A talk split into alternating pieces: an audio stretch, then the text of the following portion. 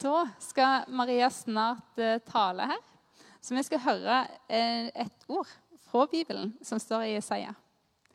Der står det Herrens, Herren, Guds ånd, er over meg, for Herren har salvet meg. Han har sendt meg for å forkynne et godt budskap for hjelpeløse, for å forbinde dem som har et knust hjerte, rope ut, et, rope ut frihet for dem som er i fangenskap, og frigjøring for dem som er bundet for å rope ut et nådens år fra Herren. Tusen takk, Maria, og godt nyttår til alle sammen. Ja, det er sånn det skal være. Yes, Det er veldig, veldig kjekt å starte med hverdagen igjen også. Og eh, en av de tingene som en av de viktigste tingene for oss som pastorer eh, når vi forkynner. Det er jo ikke bare om å finne liksom, en ny fancy taleserie. Liksom, å, nå kan vi snakke om det, kan vi snakke om det, og finne noe som klør i øret. Men vår oppgave det er å kjenne hva det ånd sier til menigheten. Hva er det Guds ånd vil si til menigheten? Og bli i det til vi kjenner at ånd beveger seg videre. Så Derfor er vi veldig frimodige til å faktisk fortsette på taleserien som vi hadde i høst. Sendt. For de opplever at det er det Gud holder på å bake inn i oss. Og vi er mennesker. Ting tar tid. Det tar tid å la Guds ord få å prege oss. Og Gud har tid. Det er så nådefullt og fint. Hvis Gud hadde hatt det travelt, så hadde han jo ikke sendt en baby når han kom til oss. En som skulle vokse opp og leve et liv og gå på jobb før han bar sitt kors til Golgata. Og Jesus har nåde med oss. Og vi har tid til å være i det som Guds ånd holder på med, inntil han beveger seg videre. Så vi er fortsatt i taleserien 'Sendt', og det er egentlig helt fantastisk. Vi blir der til vi kjenner at nå får ordene Det er noe med ord.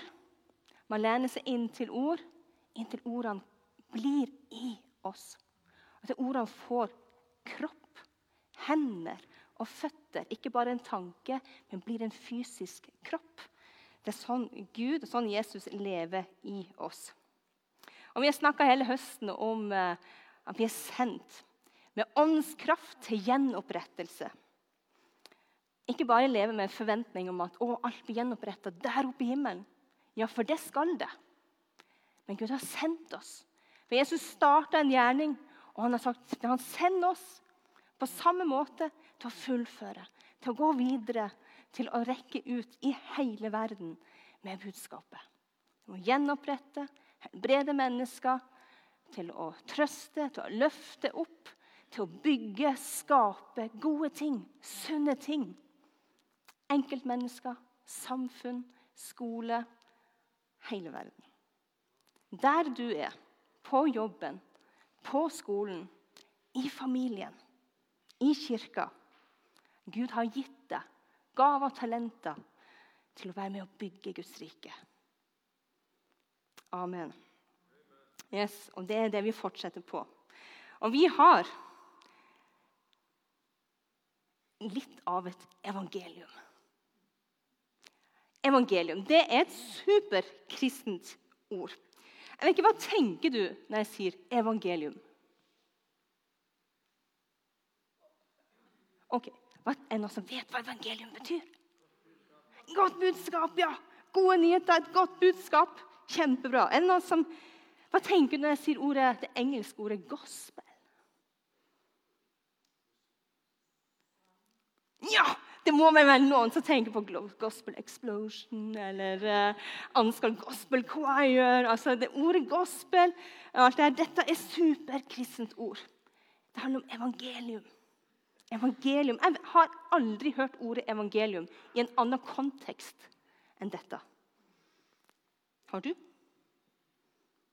Nei.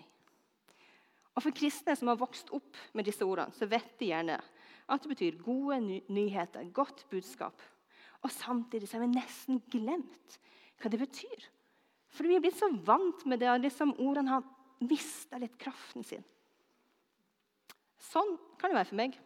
Mitt forhold til nyheter det er nesten litt sånn som alle Dagsrevyen. Hvis det er noe jeg skal se på, jeg er veldig dårlig på å følge med på serier. og sånt. Hvis jeg tenker du skal se litt TV, så slår jeg på Dagsrevyen. Den som går klokka 7. 19.00. Det får meg mest mulig. Og Når jeg ser på nyhetene, så får, jeg med meg litt sånn eh, stort og smått hva som skjer rundt omkring i verden.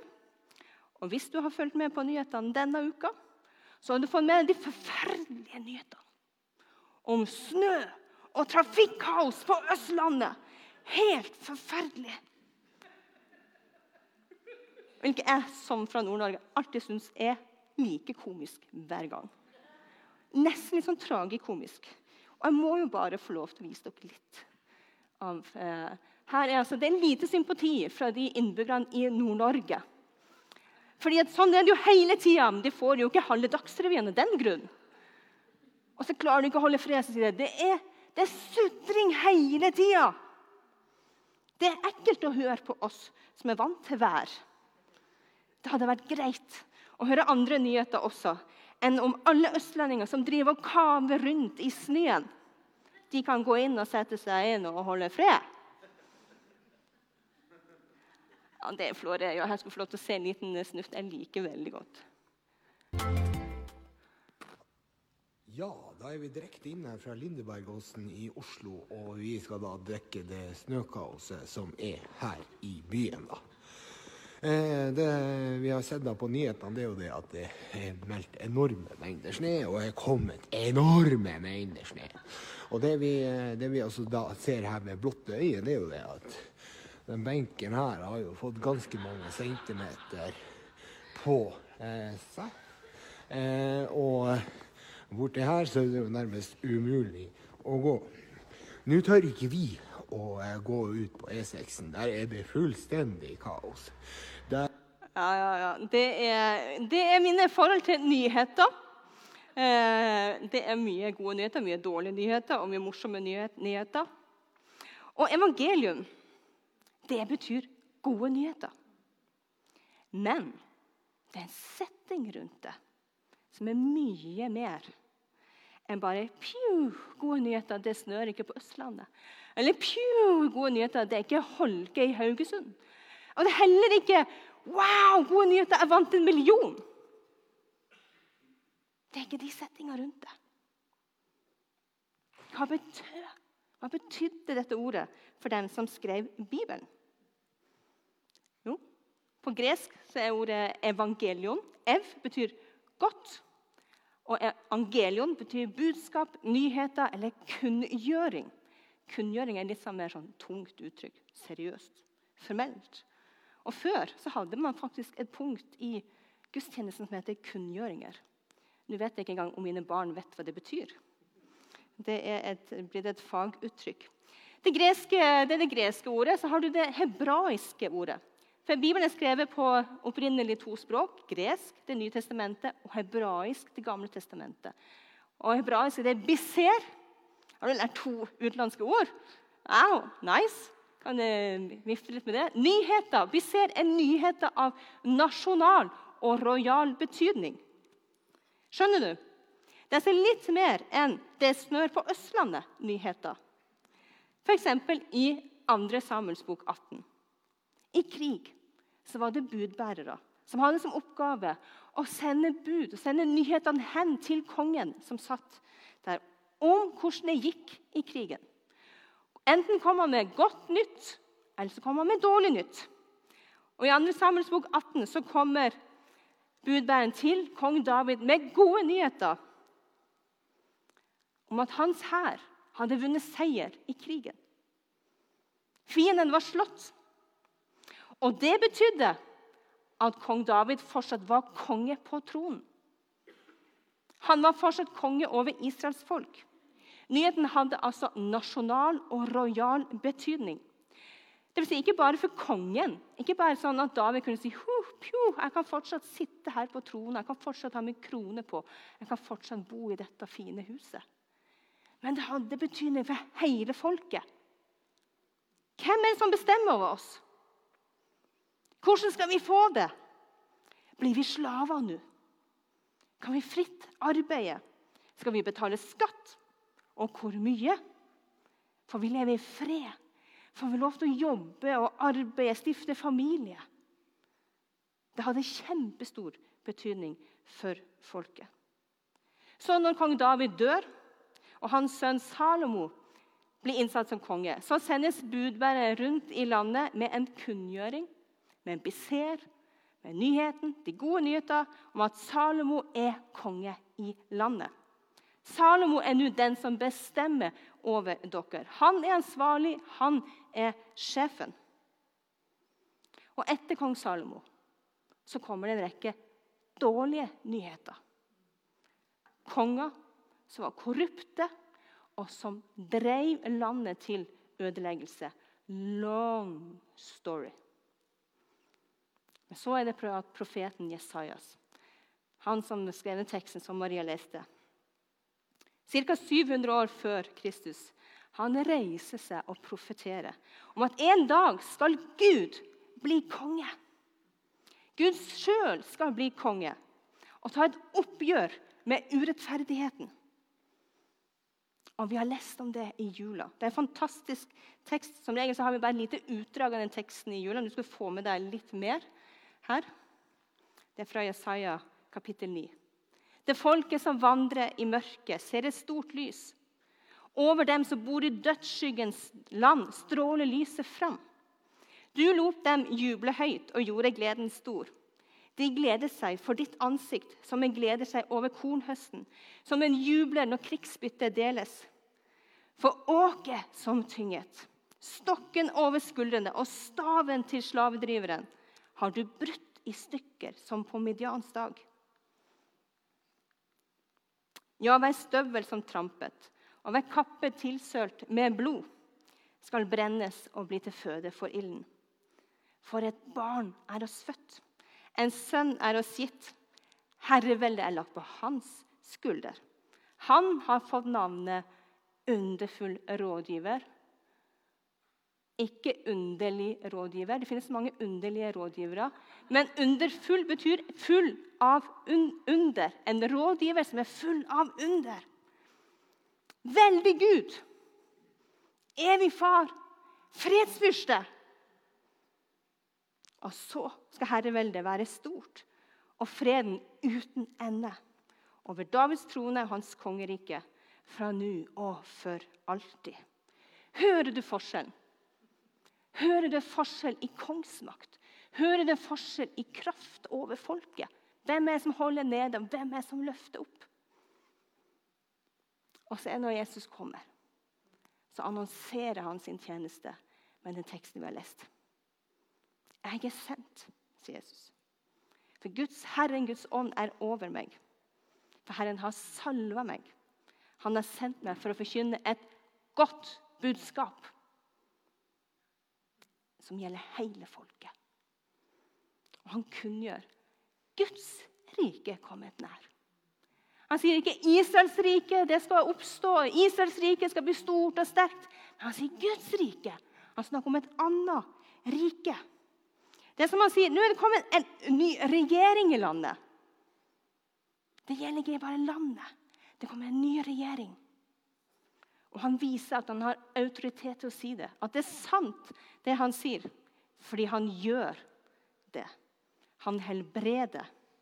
Han setter folk fri fra onde åndskrefter som holder folk nede. Han trøster mennesker, forbinder knuste hjerter. Han løfter opp de nedbrutte. Han reiser mennesker opp. Jesus sier at hans rike annet rike. Det er ikke geografisk eller etnisk begrensa. Det gjelder alle som vil. Og Jesus sitt oppdrag var ikke å slå ut menneskelige fiender, men Satan. Jesus viser at det er Satan som er den egentlige fienden. Det er han som er slavedriveren. Det er han som holder mennesker bundet og tynga. Ja, ikke bare går rundt og gjør under.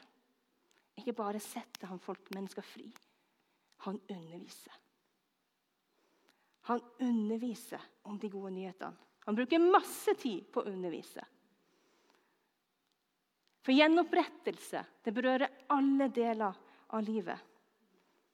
Først og fremst gjenopprettelsen mellom Gud og menneske. Relasjon. Også helbredelse i våre fysiske kropper, i våre psykiske sinn. Også inn i relasjoner. Ja, til og med underviser Jesus om økonomi. Det finnes gjenopprettelse for alt. Men Jesus underviser. Fordi det å bli gjenoppretta, det er også et valg vi tar.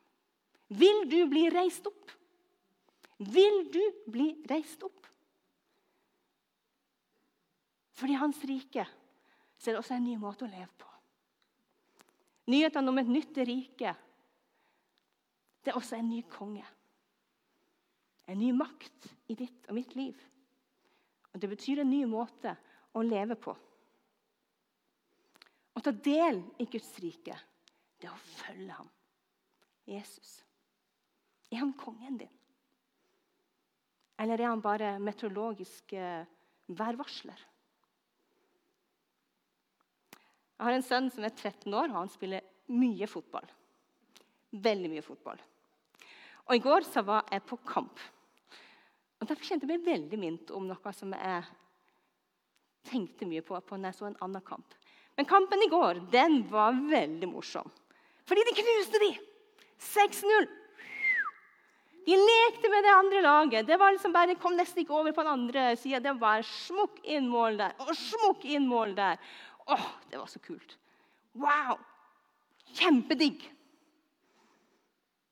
Og sånn er livet av og til. Du bare smukker inn der. Yes! Knuser motstanderen. Digg. Sånn er livet av og til. Men sånn ikke alle fotballkamper.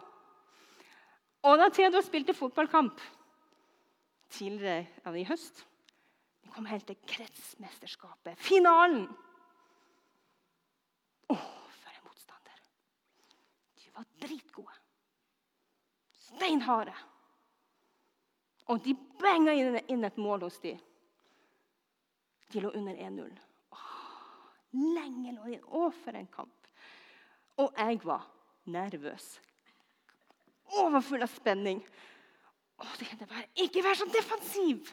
Å, kom igjen, fram! Fram! Og du vet, Alle mødre og fedre står der og roper ut på banen. Kom igjen, fram! Ta ballen! Ut den veien! Den veien! Men så har en mann som er litt bedre til det med fotballstrategi og sånt, og ser litt andre ting enn jeg ser. Så han sier, 'Du, Maria, jeg lurer på om de gjør det de har fått beskjed om.' Åh.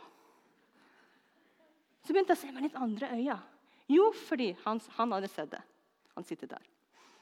Han hadde sett det. Fordi det andre laget hadde en sykt god ving.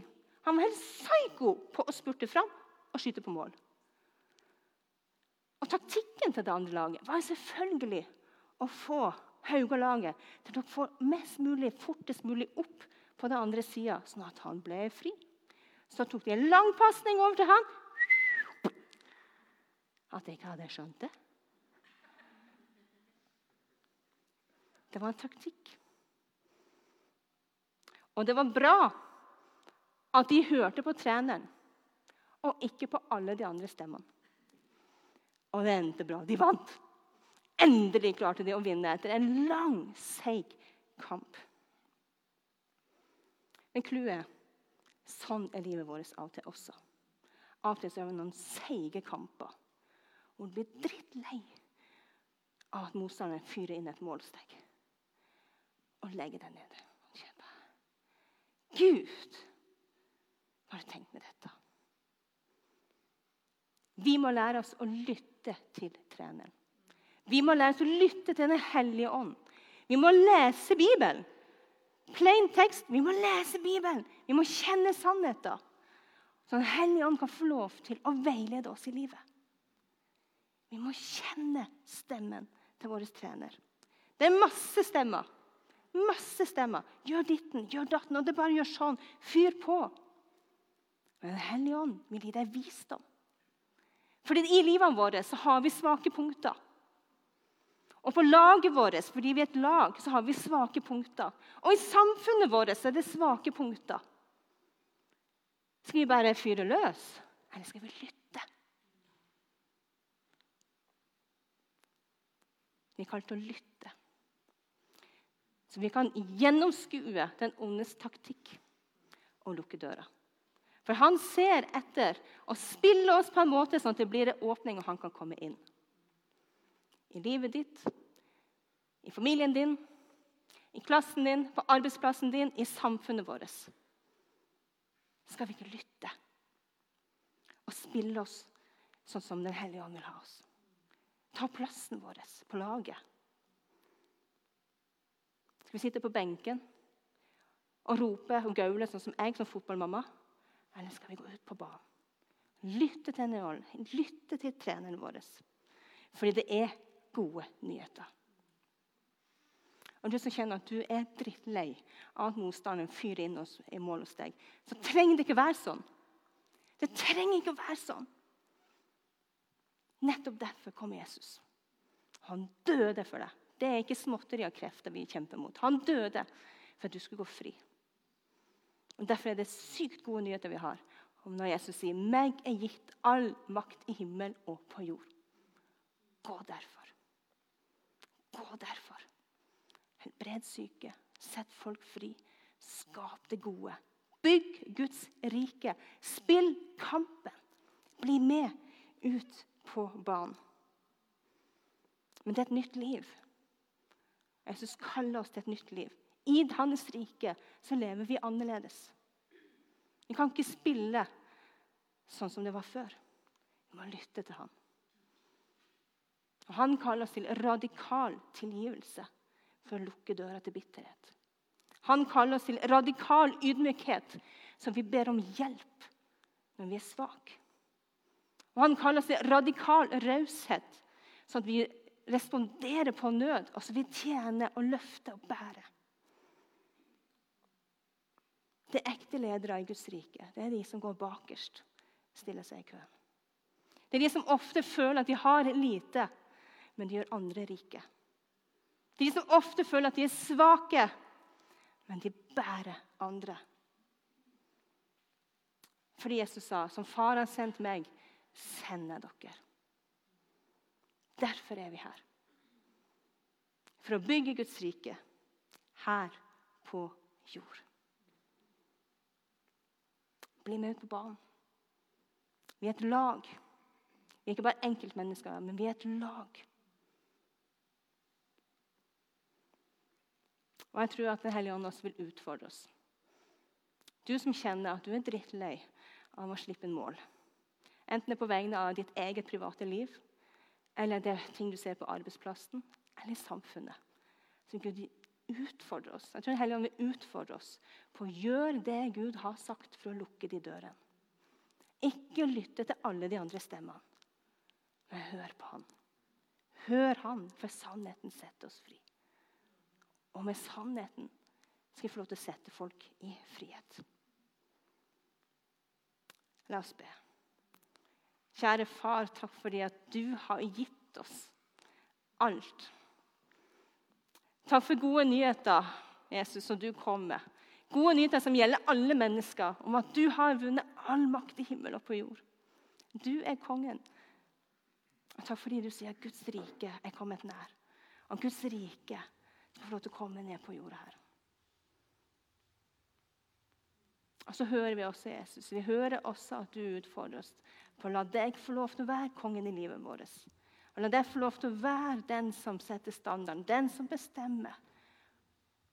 Herre Jesus, jeg ber om at du tilgir at vi ikke har åpna ørene nok for deg.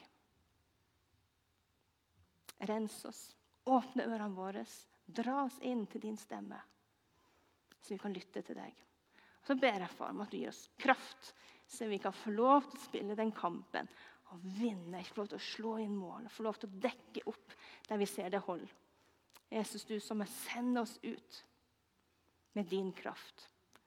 Med din kraft der hvor vi er. Her er vi, Jesus. Vi er helt avhengig av at du, du gir oss kraft til det. I Jesu navn. Amen.